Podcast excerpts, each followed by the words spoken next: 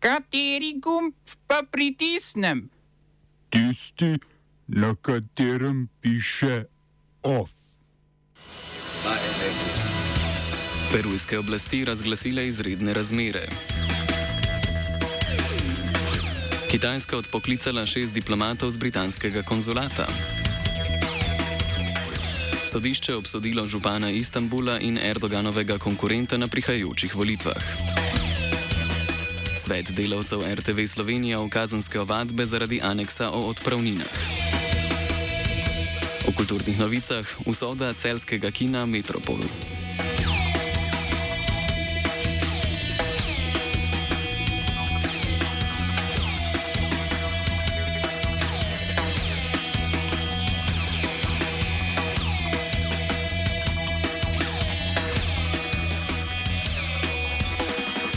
Istanbulsko sodišče je župana Istanbula Ekrema Imamogluja obsodilo na dve leti in sedem mesecev zapora zaradi razžalitve državnih uradnikov v vrhovnem volilnem svetu. Po zmagi na lokalnih volitvah leta 2019 je novinar župana vprašal, kako odgovarja na besede takratnega notranjega ministra, ki je Imamogluja oklical za idiota.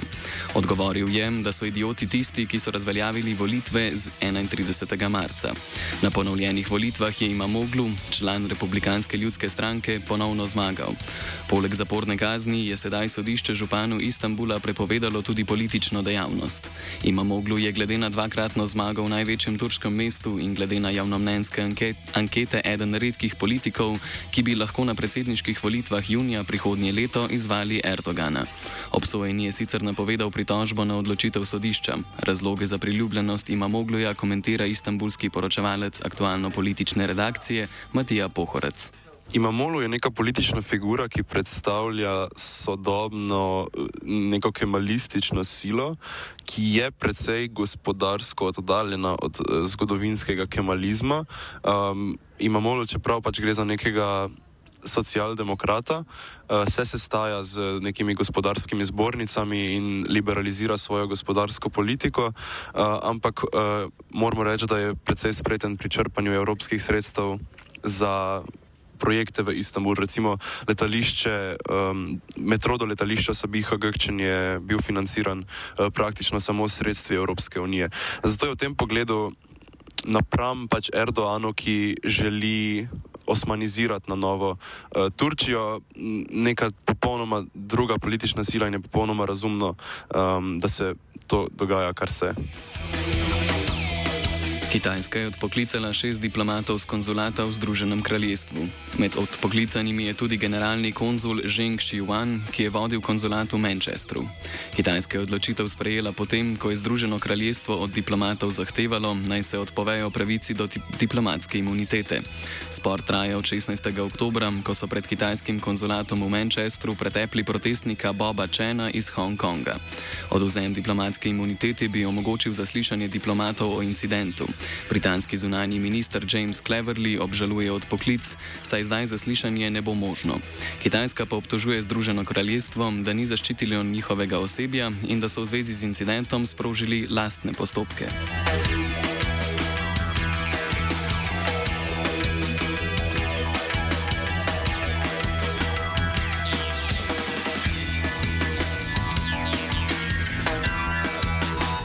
Perujske oblasti so zaradi izgredov po odstavitvi in aretaciji predsednika Pedra Castilla razglasile izredne razmere.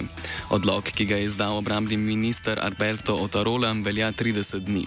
V izgredih je do sedaj umrlo sedem ljudi. Odlog vsebuje odločbe o omejitvi gibanja in zbiranja, policijsko uro in možnosti postavitev barikad.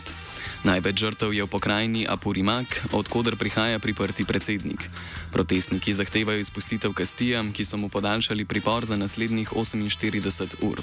Kastijo je prejšnji teden predstavil načrt za razpustitev perujskega kongresa in napovedal vladanje z dekreti, a so ga kongresniki predtem odstavili, policija pa ga je priprla na podlagi obtožbe o rušenju ustavnega reda. Vodenje države je potem prevzela podpredsednica Dina Bularte, ki je po pritiskih protestnikov napovedala volitve za prihodnji december.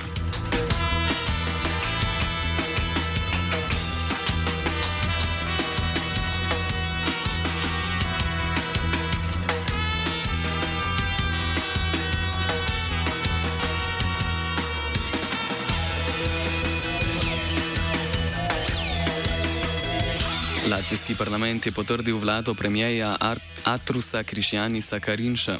Dva mes meseca in pol po volitvah Latvija dobiva novo desno-sredinsko vlado s starim premijejem.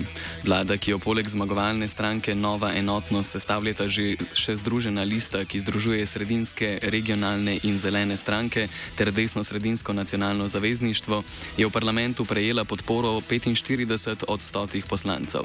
Volitve so potekale v ozračju vojne v Ukrajini in strahu pred agresijo ter ekspanzionizmom sosedne Rusije. Stranke, ki jih podpira rusko govoreča manjšina v državi, so utrpele velike izgube.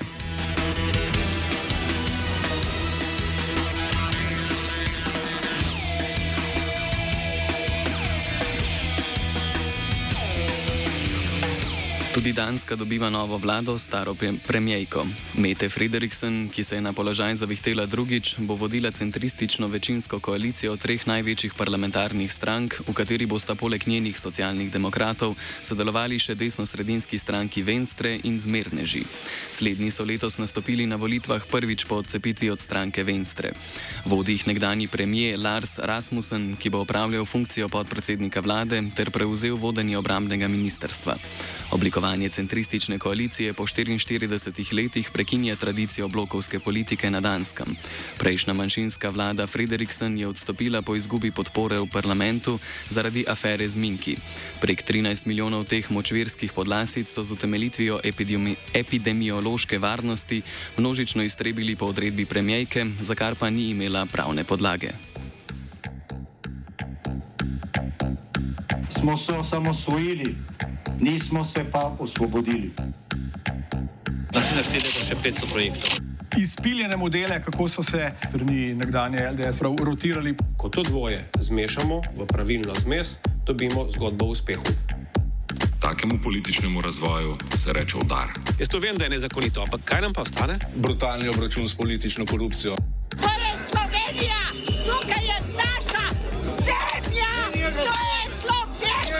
Slovenija, Slovenija. Komisija Državnega zbora za nadzor obveščevalnih in varnostnih služb, krajše KNOVS, je opravila nenapovedan nadzor na policiji. Preverjali so vlogo Miloša Miloviča, ki se ukvarja s poslovnim in varnostnim svetovanjem in sodeluje pri odločitvah povezanih z varovanjem predsednika vlade Roberta Goloba. To je prvi nadzor KNOVS-a v času tega sklica Državnega zbora. Robert Golob zanika vodenje in upletenost bivšega policijskega specialca Miloviča v svoje policijsko varovanje. Priznal pa je, da ga je vprašal za nasvet po domnevno neuspešnem varovanju njega in njegove družine v Bruslju.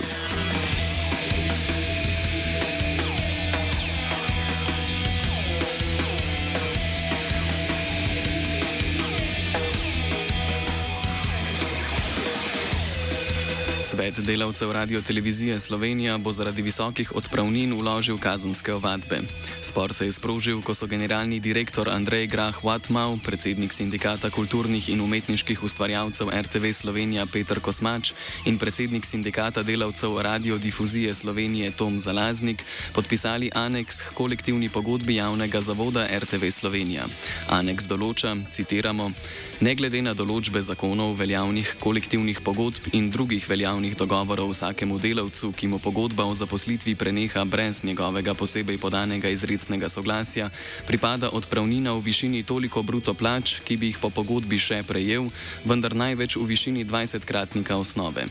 Delavcu, delavcu, ki mu ponovno stopi v veljavo pogodba o zaposlitvi za delovno mesto, ki ga je predtem že opravljal, pripada odpravnina do največ 7-kratnika osnove. thank you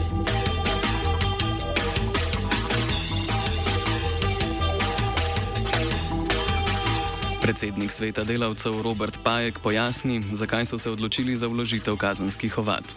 Svet delavcev se seveda po svoji dožnosti kot organ soupravljanja v javnem zavodu dožan skrbeti za smotrno porabo javnih sredstev.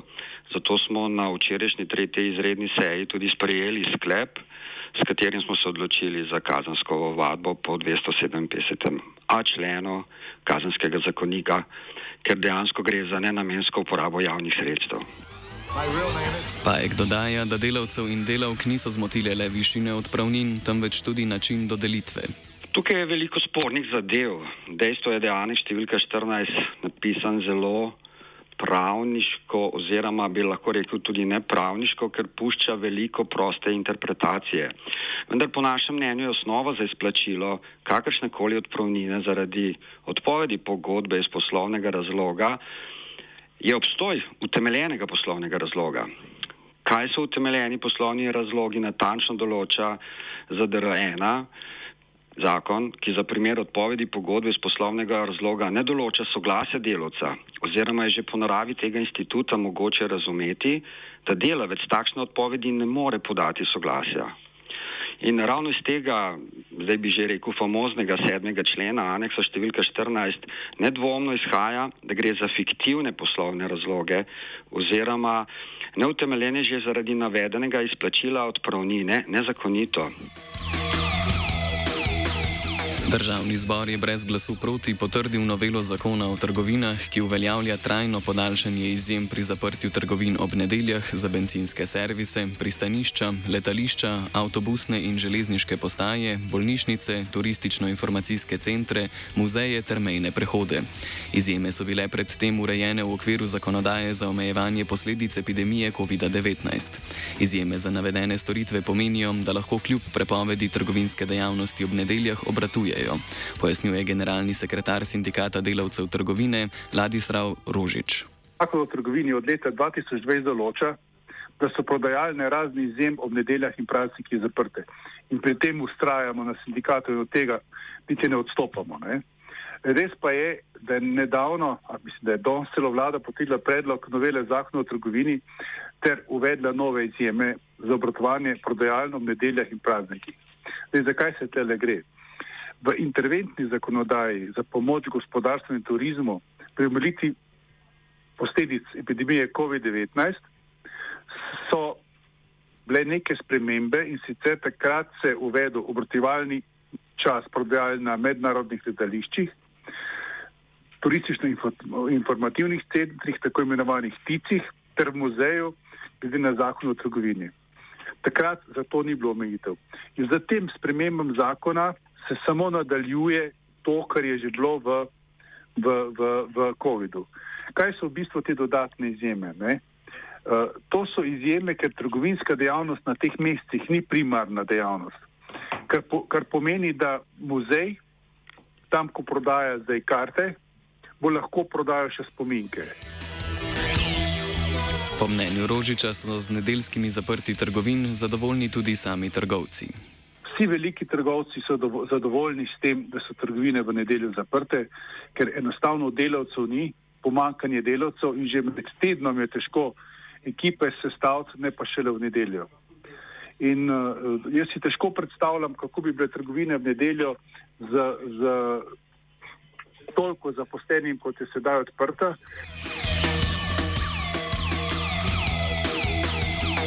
Državni zbor je potrdil tudi novelo zakona o finančni upravi.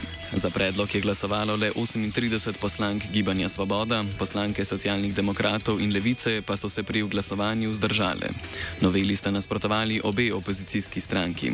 Novela ponovno uvaja trajni mandat za direktorice finančnih uradov, odpravlja kolegijsko odločanje v najzahtevnejših primerjih ter ukinja ukrep dodelitve zadeve drugi inšpektorici v primeru kršitve vodenja in odločanja pri posameznem postopku. Del novele, ki je bil tudi razlog za vzdržanje poslank dveh koalicijskih strank, omogoča uradnim osebam možnost pridobivanja podatkov o položaju in gibanju blaga z uporabo tehničnih pripomočkov brez sodne odredbe. Ovsta pripravila vajenec Andraš in Blaž.